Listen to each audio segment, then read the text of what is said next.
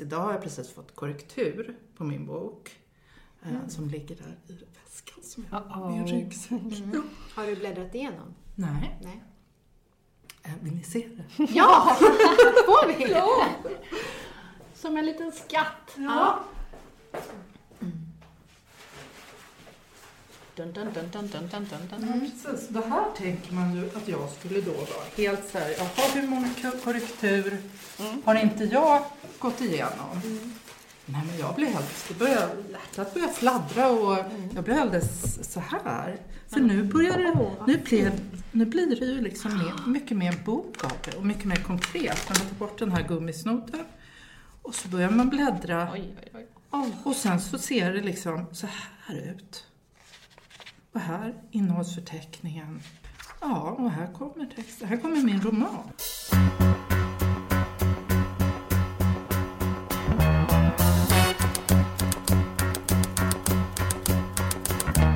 Det är jag som är Nina De är. Och det är jag som är Johanna de Valiant. Och vi tänker debutera. Eller dö. Out of bed and I stumble to the kitchen. Pour myself a cup of ambition and yawn and stretch and try to come to life. Jump in the shower and the blood starts pumping. Out on the streets, the traffic starts jumping with folks like me on the job from nine to five. Working nine to five.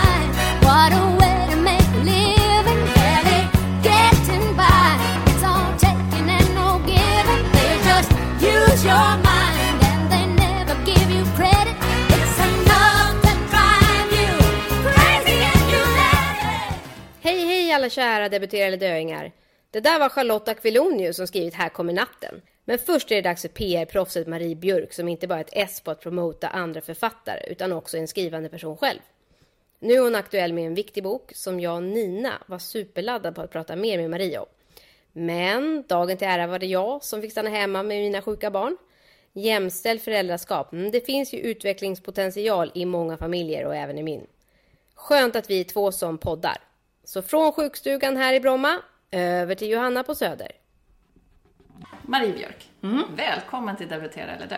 Tack så jättemycket. Det här är ju inte din debutbok som vi är här för att prata om nu. Du är Nej. ju erfaren i gamet. Jag inser att alla mina utgivningar har varit väldigt olika eh, och att jag är väldigt glad för, för den resan och den ordningen. Det, är ju, det här är ju min fjärde bok. Eh, och det har varit olika typer av förlag, olika genrer. Allt har varit olika men någonstans så har Ja, men det har gått i liksom så här, från, från litet till, till nu eh, Sveriges största förlag. Så. Och jag är faktiskt glad att eh, att eh, Bonnier-utgivningen fick komma nu. Det är klart att, att jag drömde om det redan när jag gick liksom på, på skrivarskolor ehm, för tio år sedan. Men helt ärligt så hade jag inte varit redo då. Du, du är som en kamprad och du börjar på golvet, Ja, ja men och jobbar upp. verkligen. Ja. Och just det där liksom att, att våga börja på golvet, det tycker jag också är väldigt viktigt. Och det har nog gjort att jag aldrig har gett upp. För att Alltså jag var egentligen fyra år när jag för första gången sa att jag ville bli författare. Och någonstans så har jag alltid liksom, ja, jag bara tog, tog på mig den titeln och tyckte att det var rimligt eh, fast att jag inte hade gett ut en bok. Och någonstans så har jag Hade vågat... Nej, precis. Nej, men jag har alltid vågat stå för det och kämpat för det. Eh, och varit stolt över det jag har gjort i stunden. Och om det har varit så att jag har suttit liksom på en skrivarskola fast att jag, det är inget förlag som suktar efter mig så har jag redan varit, eller ändå varit i mitt rätta element på något sätt. Och, och stått upp för den jag är. Och, och det har gjort att jag liksom någonstans aldrig har tappat hoppet. Och så har det fått gå liksom i ja, de steg som har varit möjliga och rimliga. Och på tal om att stå upp för den du är. Nu har du skrivit Vi ska ha barn, handbok i jämställt föräldraskap. Jag står väldigt mycket för jämställt föräldraskap. Eh, och jag, eh, det som känns bra med att ge ut den här boken är också att jag, eh, att jag känner att jag lever som jag lär. Själv var jag ju extremt misslyckad i mitt första äktenskap. Det var så akut ojämställt. Ja, och då är det väl kanske inte du som är misslyckad, tänker jag. Ja, men jag kämpade ju inte och stod inte upp för mig Nej. själv, så tänker jag. Men eh, sen fanns det heller ingen motpart att kämpa med, för han försvann. Ja. Han ville så gärna ha barn och jag föll för smickret. Men sen drog han och sen såg inte jag honom ever. Alltså jag har Nej. fortfarande inte sett honom. Hur det blev ett andra barn, det måste vara någon sån här Maria Magdalena-upplevelse som Ja. jag fick genomgå. I mitt nuvarande äktenskap, det är bara min man som har hämtat barn, lagat mat, varit hemma pappa medan jag har gjort karriär och det är alltid jag som hamrar och snickrar och, och hämtar ved. Det är ju inte heller jämställt. Nej. Det är bara att vi har vänt på steken. Ja, Men vi gör ju det vi vill. Är inte det det viktiga? kanske för den enskilda individen och eh, för det liksom enskilda paret så är det säkert att det kan vara bra. Och jag tror också att, att många kan leva lyckligt fast att de lever ojämställt. Men om man tänker på samhället i stort då, skulle jag, då, då kan jag inte riktigt hålla med om att det, det viktigaste är att man gör det man vill. För då kommer man till en ännu mer, eh, både så här filosofisk och rent politisk fråga. Vet du verkligen vad du vill? Och vem är det som gör eller vad är det för strukturer som ser till att du vill göra vissa saker? Man måste se det lite grann ur ett större perspektiv och då förstår man kanske att nej men det började ju redan på, på förskolan, i uppfostran. Flickor lär sig att vara omhändertagande och uppfostras så. Pojkar får, får en helt annan liksom, ett sätt eh, hur de ska bete sig och där är vi liksom igång och sen så fortsätter det där hela tiden. Eh, så jag tycker snarare att det är ganska ganska taskigt det här fria valet. För att man är inte så jävla fri. Äh, Vi är alla fast i strukturer och i normer. De finns i kompisgängen, de finns i familjen, de finns på arbetsplatsen.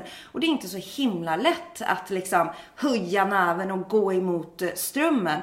Och det är ju någonstans det som krävs idag eftersom samhället är inte jämställt och absolut inte när det kommer till föräldraskap. Och då måste man många gånger vara ganska tuff för att stå emot det. Och det fattar jag att inte alla orkar eller vill eller ens tänker på. När det kommer till jämställt föräldraskap så tycker jag ju extremt synd om väldigt många män, alltså i generationer, som har gått miste om den här nära relationen till sina barn. Så det gör ju att, eh, att det är väldigt roligt att prata om jämställt föräldraskap för där är någonstans alla vinnare. För, för kärleken till ett barn är ju faktiskt inte begränsad utan ju fler som går in i det desto större blir kärleken. Och det tycker jag är ganska glatt. Det jag tycker är glatt med din bok är att den är så handgriplig. Du Ja. är inte abstrakt. Det är listor och det är exempel. Mm. Jag gillar att det tas ner på marknivå. Vad roligt. Eh, för det är verkligen tanken för att, ehm, för jag tror ju eh, att det är väldigt många som eh, vill uppnå jämställdhet och som kan se fördelarna med det. Men det är inte så himla lätt och det är absolut inte lätt när man står där med en nyfödd i famnen och allt liksom bara sätts på ända och hela världen bara snurrar som det kan kännas när man precis har fått ett barn. Och då tror jag att eh, en sån extremt tydlig och konkret handbok kan vara väldigt skönt. Och ännu hellre ta fram handboken alltså, långt innan precis. och, och verkligen så här, prata igenom vad det är för, för föräldraskap man vill ha. Mm. Och just det här flummiga upplevelser man har när man är nyförlöst. Ah. Så en handbok handlar inte bara om jämställdhet, den handlar om överhuvudtaget hur Ja. man tar sig igenom sin dag. Exakt. Och här hjälper du ju också till.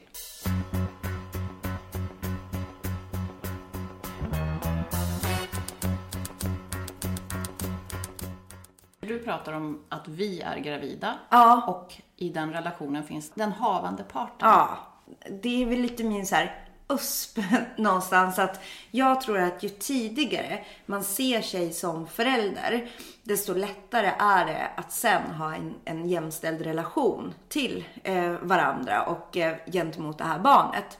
Är det bara en som försöker kämpa för att bli gravid, ja redan där har det någonstans blivit fel.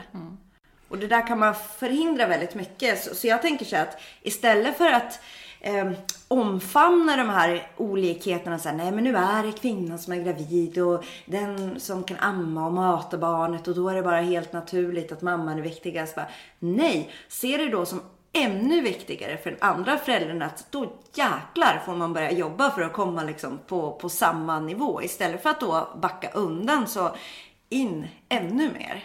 För du väcker många tankar i mig, för jag är väldigt vi-tänkande. För mig är det väldigt viktigt, men du Ja. har höjt ribban. Men du, på tal om ett vi. Ja, Vi saknar ju en här ja det gör vi. Saknar bordet. henne. Ska vi ringa Ja. till Nina? Ja. Hej! Hej Nina, vi saknar dig! Hallå! Och jag saknar er. Jag är så laddad. Jag håller på att explodera Ja, här i hemmets eh, vabbvrå. ja vi pratar ju om ämnen som berör din vardag väldigt. Jag Ja. tänker att det är så himla aktuellt just med kreativt liv Ja, och jämställdhet. verkligen. Mycket jobb som man gör är ju obetalt eller väldigt lite betalt. Och så blir det väldigt lätt att, ja, då blir man den som eh, kör hela racet med barnen. Nina, vad jag har tänkt eh, och hoppats med min bok, att man ska kunna använda den lite så här baklänges. Eh, Att även de som eh, redan har barn, alltså som du nu, kan ta den och någonstans analysera och pricka av att ja, kanske var det på grund av det här som det blev som det blev och liksom ja, synliggöra och sen så kanske också få nya tips för att liksom kanske i vissa fall förändra saker som man kanske inte har tänkt på. Jag har tänkt på det jättemycket nu på senaste. Alltså att tänka på feministen Ja. i sig och hur man ändå är. Då är det kvinnorna som ska sätta på sig knutblys, stå upp för Sara Danius. Alltså det är vi som ska protestera. Vi ska ta extra tid från våra ofta dubbelarbetande liv för att också slåss för det här som kvinnor. Alltså det kan jag bli helt tokig på. Ja, verkligen. Och, och det, det är ju någonting som jag har tänkt på jättemycket också i utformandet av den här boken. Att den ska kännas extremt inkluderande. Jag, vill att den ska kännas väldigt pepp men också inbjudande för både pappor och mammor. Mm. Och du säger också det här att bli en förstahandsförälder, det tog jag fasta på. Ja. Och, och det där tror jag är en orimlig, eh, alltså ekvation, alltså just i stundens hetta. Jag, jag tror att man, man skapar krig som är svåra att vinna om man samma morgon ska bestämma vem av oss är viktigast eller vilkens jobb är viktigast eller så. Så jag är ju väldigt mycket för att man bestämmer sånt i förväg. Vi har ju jourdagar eh, så, där vi hämtar, lämnar och har vab-ansvaret om vab kommer. Så vi behöver aldrig ta den diskussionen liksom i, i stundens hetta. Och det är väldigt, väldigt skönt, verkligen. Ja, du sätter verkligen fingret på det där med i stundens hetta. För Ja. det är ju, småbarnslivet det är ju bara kris och panik och stress hela tiden. Och man går i så många skitfällor. Jag tror ju att min bok eh, såklart har, har liksom maximal effekt om man läser den så tidigt som möjligt. Min dröm är ju att börja se min bok liggandes på barer liksom i första dejten. Det, det är så här, kan man börja checka av redan då. Det, det är min liksom högsta dröm. Och sen också, man kanske har fått ett barn, vill göra det igen, tänker så här, ja men jag mådde ganska dåligt under den här perioden. Vad berodde det på? Ja men kanske att vi kan göra så här istället. Så, så att man, man, ja, man kan läsa den lite olika skeden så. Men du har ju Maries det- bok hemma. Du får ju lägga den på Fredriks nattduksbord nu. I första ledet och sen får du väl framförallt låta Stigge ärva den. Precis. Till Stigge och Fredrik. Puss och kram! Ja, hej då Nina! Hej hej!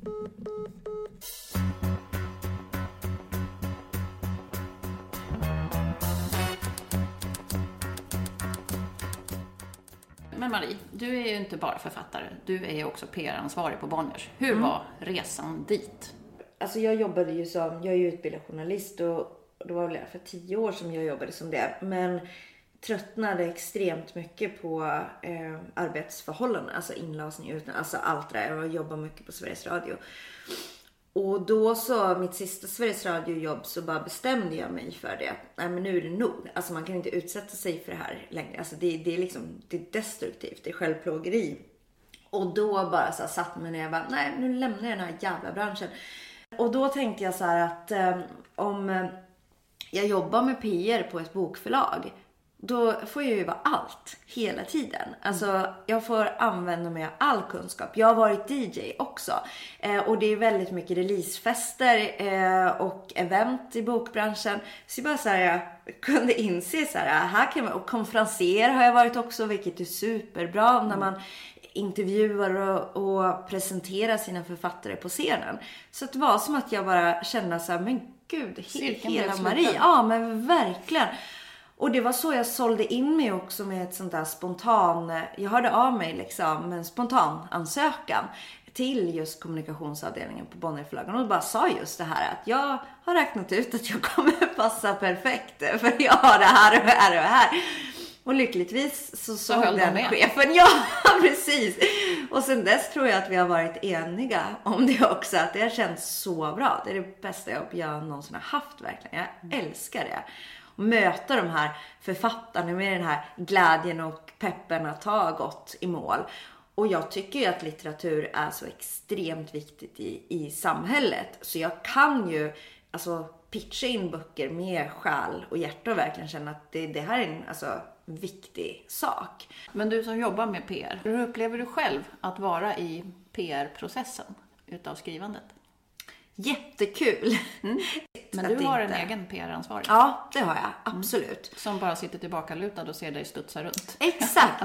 Hur mycket tror du att det hjälper bokens framgång då? Att vara som en kall på grönbete när du far iväg i PR-sammanhang kontra att vara en mullvad som gärna vill gömma sig och inte gillar rampljus? Alltså jag tror faktiskt att idag så är det bra. Eh, det tror jag verkligen. Att det, vi har ju gått mot det den senaste tiden att eh, författare många gånger är sitt eget varumärke. Och det är kämpigt för de som inte vill det. Eh, det är en fördel att kunna prata för sin sak och, och ofta i media har man så otroligt kort tid på sig. Eh, så kan man inte göra ett bra intryck på de få minuter som man har så får man kanske inte den chansen igen. Eh, men jag tror kanske att man måste för att, för, att lyckas med att absolut inte gilla det så tror jag nästan att man måste hårdra det till andra hållet. Alltså nästan bli känd för att inte göra några intervjuer. Förstår du? Så att man nästan bygger upp någon Precis. mystik. Det är ju mitt viktigaste jobb, att, att anpassa och, någon, och inte köra liksom samma ram och liksom bara så försöka stöpa ner någon i samma form. Men det låter ju betryggande. Men hur går det till då? Du får en bok på ditt skrivbord. Här Mm. ska du marknadsföra. Tar du in författaren då på en intervju så att du får lite koll Ja. på och sen gör ni tillsammans någonting eller utgår du bara ifrån vad du anser vara lämpligt för den här bokens framgång? Alltså det börjar ju ungefär ett halvår innan att boken kommer ut. Så jag får ju oftast bara liksom, eh, ja, ett, ett tidigt manus på liksom Word. Det är ofta mitt första möte med den boken. Ehm, eh, och, eh, och då så eh, börjar vi ofta med att, att, eh, att jag pratar med förläggaren eh, som man har som ett internt möte innan så att man vet så här, ja men varför är den här antagen? För de har ju en idé redan då. De har ju suttit och det är ju liksom en lång process. Jag kom ju in ganska sent i den processen. Och då har ju de såklart en tanke om varför de har, tycker att det här manuset är, är så fantastiskt bra och värt att ge ut. Och en tanke om, om hur författaren ska kunna liksom bära den boken. Eh, så då får jag liksom en känsla av det. Eh, och sen då så, så ja, bokar jag in ett möte med, med författaren och då brukar jag skicka, eh, innan vi ses så brukar jag skicka ett eh, formulär med, med frågor faktiskt. Eh, så, som de får fylla i så att jag får en liten känsla av så här, vad, vad vill du med, med din bok och hur tänker du? Och då kan man få liksom känslan av det där så här, nej jag dör hellre än att liksom så här, vara med i den här intervjun. Eller i vissa fall så kan jag få liksom så här 10 A4-sidor med liksom lista på alla medier som är deras önskan att vara med i. Och då förstår man att så här, okej, ja men då kanske mitt jobb med den här författaren snarare blir att eh, ehm, sålla och planera för vi kan inte göra allt. Så vad ska vi då välja? Om, man, om du vill ha några tips till oss som ännu inte har debuterat. Finns Ja. det någonting vi kan göra? Finns det något pre-jobb för oss? Det beror nog väldigt mycket på typ av bok. Uh, är det en bok med ett särskilt ämne, då är det klart att det är bra att du har gjort dig synlig, att du har blivit en liksom så här person inom det ämnet. Ja, men det, det är olika utgivningar. Ibland är, är, det, är det kanske personen som ligger till grund. Men bara en person gör ju ingen bra bok. Man måste ju fortfarande ha ett, ett bra och spännande ämne som, som lämpar sig. Jag skulle ju uppleva det väldigt tryggt att ha en PR-hjälp som själv har debuterat. Att Ja. kunna hela processen och veta Ja. lidandet, smärtan, gången, ångesten Ja. kring så många delar i processen. För att det är ungefär som att ta körkort för någon som Ja. inte har körkort. Alltså man vill ju att den ska veta hur Ja. det funkar. Det, det är faktiskt... Borde vara en styrka i ditt jobb. Ja, men det är faktiskt det. Och, och eh, framförallt många debutanter eh, märker jag liksom att de nästan pustar ut när, när de ja, får veta eller vet att jag också har gett ut böcker. För det är mycket det där. Eh, att lämna ut liksom sig själv och hur ska det tas emot den här våndan inför recensioner. Att, att jag kan ju förstå det på, på ett djupare plan. Och, och det känns väldigt bra också att kunna dela med sig av det verkligen. Marie, vilken tur att du inte behövde vabba på din jourdag. Ja, exakt. Tusen tack för att du kom. Tack så mycket. The people have the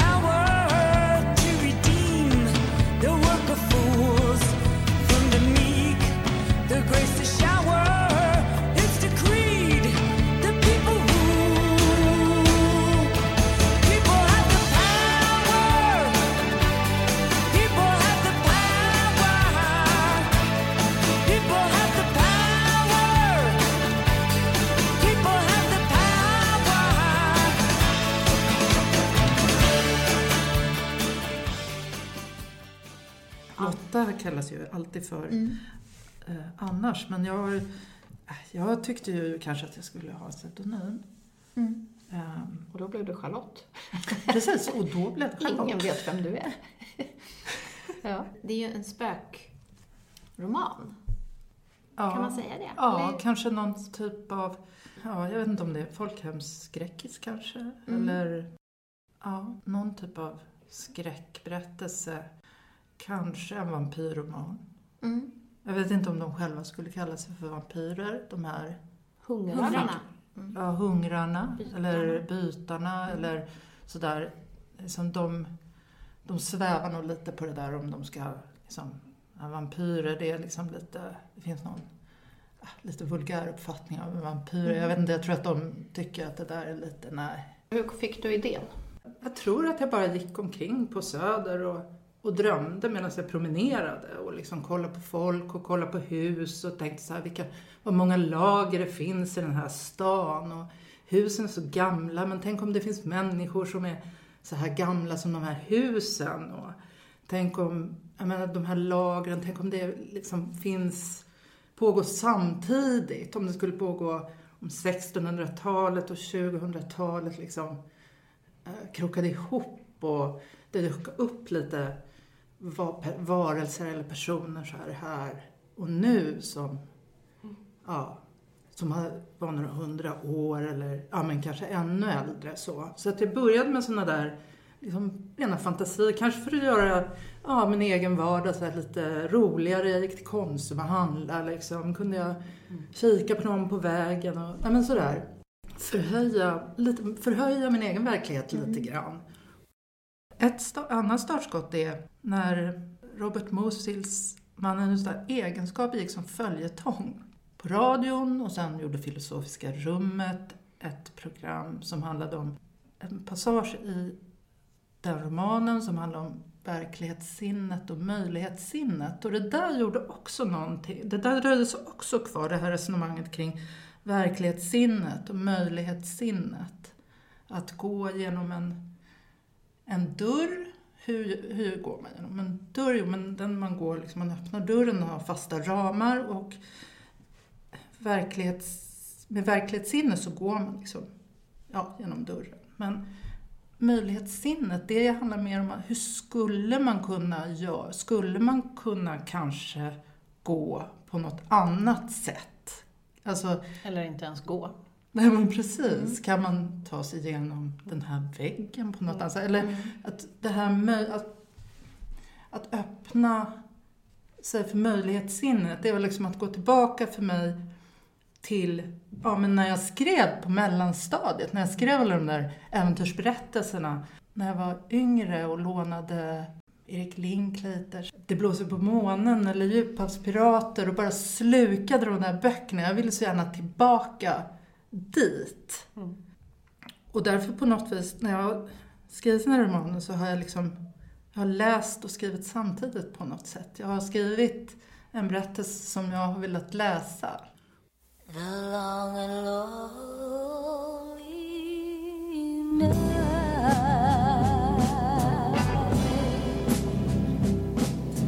I can see right out my window, walking down the street, a girl, but she's with my guy. His arms around her like it used to be with me. Oh, it makes me wanna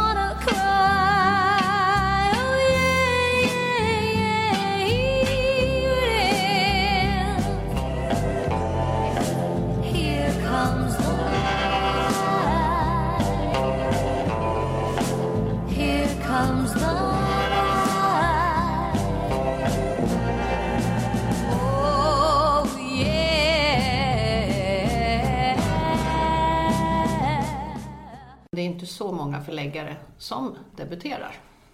Nej, men det är väl inte helt vanligt överhuvudtaget det här att ha två roller eller... Vi hade hoppats att du hade båda hattarna på Ja, men det kan jag. Jag kan ha, ha en liten hatt på det här och en liten där. Det går bra. Ja, vad bra. Nu jobbar ju du på Sveriges största förlag. Ja. Kände du att du ville lämna in till Bonnier eller var det verkligen Nej, no-no? det ville jag inte. Alltså det är klart. Om jag inte hade jobbat där, då hade jag säkert velat, velat lämna in till, till Bonniers. Men nu var det faktiskt, nej. Du kunde ha gjort det under pseudonym bara för att känna på det. Ja, det kunde jag. Jag tänkte väldigt mycket på det där med pseudonym. Eh, när jag hade skrivit klart manuset. Men för mig så känns det som att det nästan står modernista på det här manuset. Att det är, skrev, tänkte, hade du, tänkte du på dem när du... Nej, jag tänkte inte på, jag tänk, jag tänkte inte på någon särskild när jag skrev det. Och det kanske var en av de sakerna som jag lärde mig också och som min redaktör eh, fick mig att jobba lite med. Det var att tänka kanske lite mer på läsaren ibland. Eh, Jag var så inne i den här världen att jag ja, men blev blind för eh, information som jag trodde fanns där åt läsaren men som snarare fanns i mitt huvud. Jag behövde skriva ut mer saker till exempel. Ibland var jag lite lat med min, mitt skrivande. Jag kunde tänka så här att oj, oj, oj, det här. Är jag masker, om jag gör så här så kan jag nog maskera den här Liksom att den här maskan inte är tillräckligt fäst i väven. Liksom. Om jag liksom mm, gör en liten bara Limma lite. limma lite där så kommer ingen märka det. Eh, och det eh, gjorde hon direkt. Hon pekade på de ställen och sa mm, där tycker jag nog att du skulle och så vidare. Så visst, hon såg ju det. Eh, Man får sån respekt för sådana människor. ja, Underbart. eller hur? Ja, ja fantastiskt. Eh, och lite jobbigt, men så rätt liksom. Det är klart. Jag ska inte hålla på och slarva. Liksom. Nej, men då, då ja, sådana saker. Jättebra. Alltså, nu har ju inte jag någon aning om hur det var förläggare. Ja, Men jag tänker just att du ändå i någon mån så har du, jobbar du då med text på dagarna. ja, Beroende på vad, Ja. man, vad man gör. ja, Just det där att sjunka in i andras texter ja. och sen eh, gå över till egna. Mm. Om det är, det lätt eller svårt? Kan det hjälpa? Eller stjälpa? Ja, nej men om jag har haft en sån dag där jag har suttit och redigerat någon annans text en hel dag intensivt, då har jag inte gått hem och jobbat med min Nej. egen text sen. Liksom. Utan då är det en sån dag där ja, den har fått vila. Liksom. Så, ja. Men det är inte alla dagar som jag sitter och redigerar som förläggare. Liksom, utan, Vad gör man mer då? Vad gör man, vad man gör sådär, vad gör man? som förläggare? Ja. Åh, det är mycket möten och det är planering och man är ju väldigt mycket i olika säsonger samtidigt. Man, man planerar en, eh, en katalog för, för eh, liksom kommande säsong eller säsongen efter den. Man läser manus som kanske ska komma ut 2019 eller 2020. Samtidigt så kommer det ut böcker nu som ska marknadsföras och som ska ja, ut och nå läsarna. Så att man är ju i väldigt många olika liksom, tider samtidigt. Åh, man blir ju så avundsjuk. Jag vill ju gärna byta, ha dina pjuck en dag. Ja, kan göra någon sån Kan där du- en- en endagsbyte kanske. Sån där. ja, varför inte? Ja. Mm. Men gör en liten scen åt mig här nu då. Har ni morgonmöte? Ja, som, det är väldigt Är det mycket, mycket möten. Mm. Det är... Mm, ja, det är kanske lite för lite fika Mm. faktiskt. Jag, jag, ja, eh, jag skulle tycka att vi kunde fika lite mer. Jo då, det, det händer ju att vi fikar och, och äter en och annan semla och sådär också faktiskt. Ehm, nej men det är rätt mycket möten. Vi, det, är, det är mycket planering. Så vi har redaktionsmöte, vi har utgivningsmöte och vi har manusmöten. Vi, eh, får ju in väldigt mycket manus till förlaget. Så en gång i veckan så träffas vi och eh, kikar på det som kommit in. Hur många manus läser du på en vecka? Oj. ehm, jag har haft ganska fullt upp nu med som mina, de författare som jag jobbar återkommande med. Så att jag har inte läst, jag läser ju, jag läser hela tiden men det blir ju ett par manus i veckan helt klart. Det blir det ju. Ja. Och hur blodiga är de här mötena då? Alltså vi då som gör ju den Ja, här podden, vi ja. försöker ju debutera. Det är ju Ja. lite obvious. ja. ja. Och det är ju lätt då att, in, att eh, inbilla sig att det sägs massa saker. Åh, det här var skitdåligt. Mm. Men jag tänker att många Mm. saker pratar man inte ens om. Utan man pratar kanske bara om det som... Nej, men det skulle vara alldeles outhärdligt att ha, sitta och liksom ha en sån ton. Jag, jag, det- det är liksom inte acceptabelt. Utan eh, vi är ju på förlaget jätteglada och tacksamma över alla människor som skickar in manus till förlaget. Sen, är det ju, sen blir det, är det klart att det är ett nålsöga och det är svårt. Jag, jag menar, det finns hela tiden, det finns begränsat utrymme och ja, sådär. Många olika saker som gör att det, att det är svårt helt enkelt. Ja, men om, om vi får in kanske två och ett halvt tusen manus om året eller något sånt. Och sen kanske vi har mellan fyra och sex platser för debutanter. Och sen vill man ha lite blandning. Man vill ha några poeter, man vill ha eh, några romaner, man vill ha... Ja, för vi är ute olika genrer. Då, då blir det... Det är snarare, handlar ju snarare om promillen, procent, i som, som blir utgivna faktiskt. Känner du att du många gånger har fått lägga ner ett manus som du egentligen trodde på för att ni inte har den platsen? Det, det händer, men sen är det väl det där att jag måste verkligen brinna för ett manus. Är det skräp som ni skickar in alltså? Nej! nej. nej! Nej, så är det inte. Men det var ju, eh, vi fick ju något tips om att läsa Story av Robert McKee. Ja, ja för den Alltså, hade jag så- också mm. tänkt att jag skulle eventuellt tipsa om, om ni eh, Hade ställt frågan.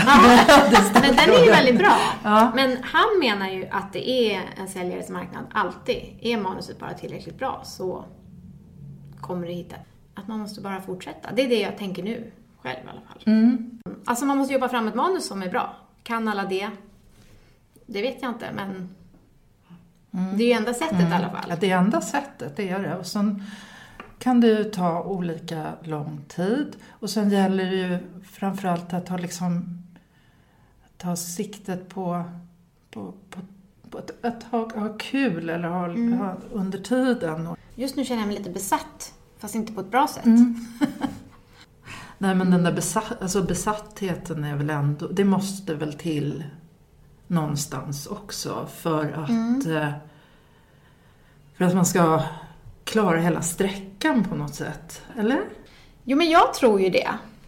Ja. Men man måste kunna balansera det. Ibland så tycker jag att det välter över, liksom. Att man Ja, det- går ner i ångest och fylla, liksom. Nej, men nej. Jag tror, ju- jag tror på en besatthet. Men Ja. den måste ju vara rimlig, alltså att man inte blir Nej men den får ju, knäpp, liksom. Nej, och den måste ju följas av någon typ av vila för att annars så kan det bli för utmattande liksom att vara besatt hela tiden. Jag har ju haft mina besatta stunder med den här texten. Men sen har, sen har jag i och för sig upptäckt att det kanske inte är då det har blivit som bäst. Utan det... det eh, utan jag har behövt liksom låta texten och mig själv vila och sen gå tillbaka i en, i en annan liksom, sinnesstämning för att kunna ta hand om det som hände under besattheten, eller vad man ska säga. Ja, Så, just det. eh, det där med distans är ju, är ju knepigt. Det är där också redaktören kommer in. Mm. Eh, det om något eh, är väl också ett, kanske ett råd, då, om man ska ge något råd, det är att man kan inte göra allting. Man får göra avkall på någonting. Jag själv har till exempel dragit ner på ambitionsnivån i hemmet rätt kraftigt liksom, eh, under perioder det här. Sen har jag ju en, en Tabita hemma då eh, som, som har eh, fyllt i en del vad det gäller sånt. Som det, det hjälper ju till att ha det jämlikt hemma kan man ju säga, helt klart. Och tjänstledigt hjälper till. Och tjänstledigt hjälper också till. Eller i alla fall att försöka få till lite kontinuerliga perioder av skrivande då och då. Liksom. Mm. Var du rädd när du skrev det här? Alltså jag Alltså tänker, rädd för att det var otäck, otäckt. eh, Och det kan man ju också vara, men Så, det jag men det tänkte är- var nästan det här att angripa svåra skrivtekniska grejer. Alltså till exempel Ja. tidsresor, eller komplicerade världsbyggen. Alltså sånt är ju Ja, lite skräck. ja, men det var ju precis, men det var ju samma sak som att sätta av upp, att sätta upp så här, att göra sånt som jag tänkte, alltså, som jag tänkte skulle vara svårt. Att, in, att det skulle ingå i den här utmaningen. För mig var det svårt att tänka sig att jag skulle skriva om Söder och Stockholm. Sen visade sig det att när jag väl började göra det, det var bara någon hang-up. Alltså, och samma sak det där, att eh, berättartekniskt få, få det trovärdigt. Liksom, det här med trovärdighet och sådär. Det, var ju, det är ju viktigt såklart i en sån här, att det liksom är trovärdigt inom den här berättelsens universum. Så det, ja, jag tyckte det var, det var en utmaning också. Någon av dem kommer ju från så långt tillbaka som det gamla Babylonien till exempel. Det kan ju vara lite utmaning att få det att kännas, och samtidigt ska det vara då här och nu på Södermalm.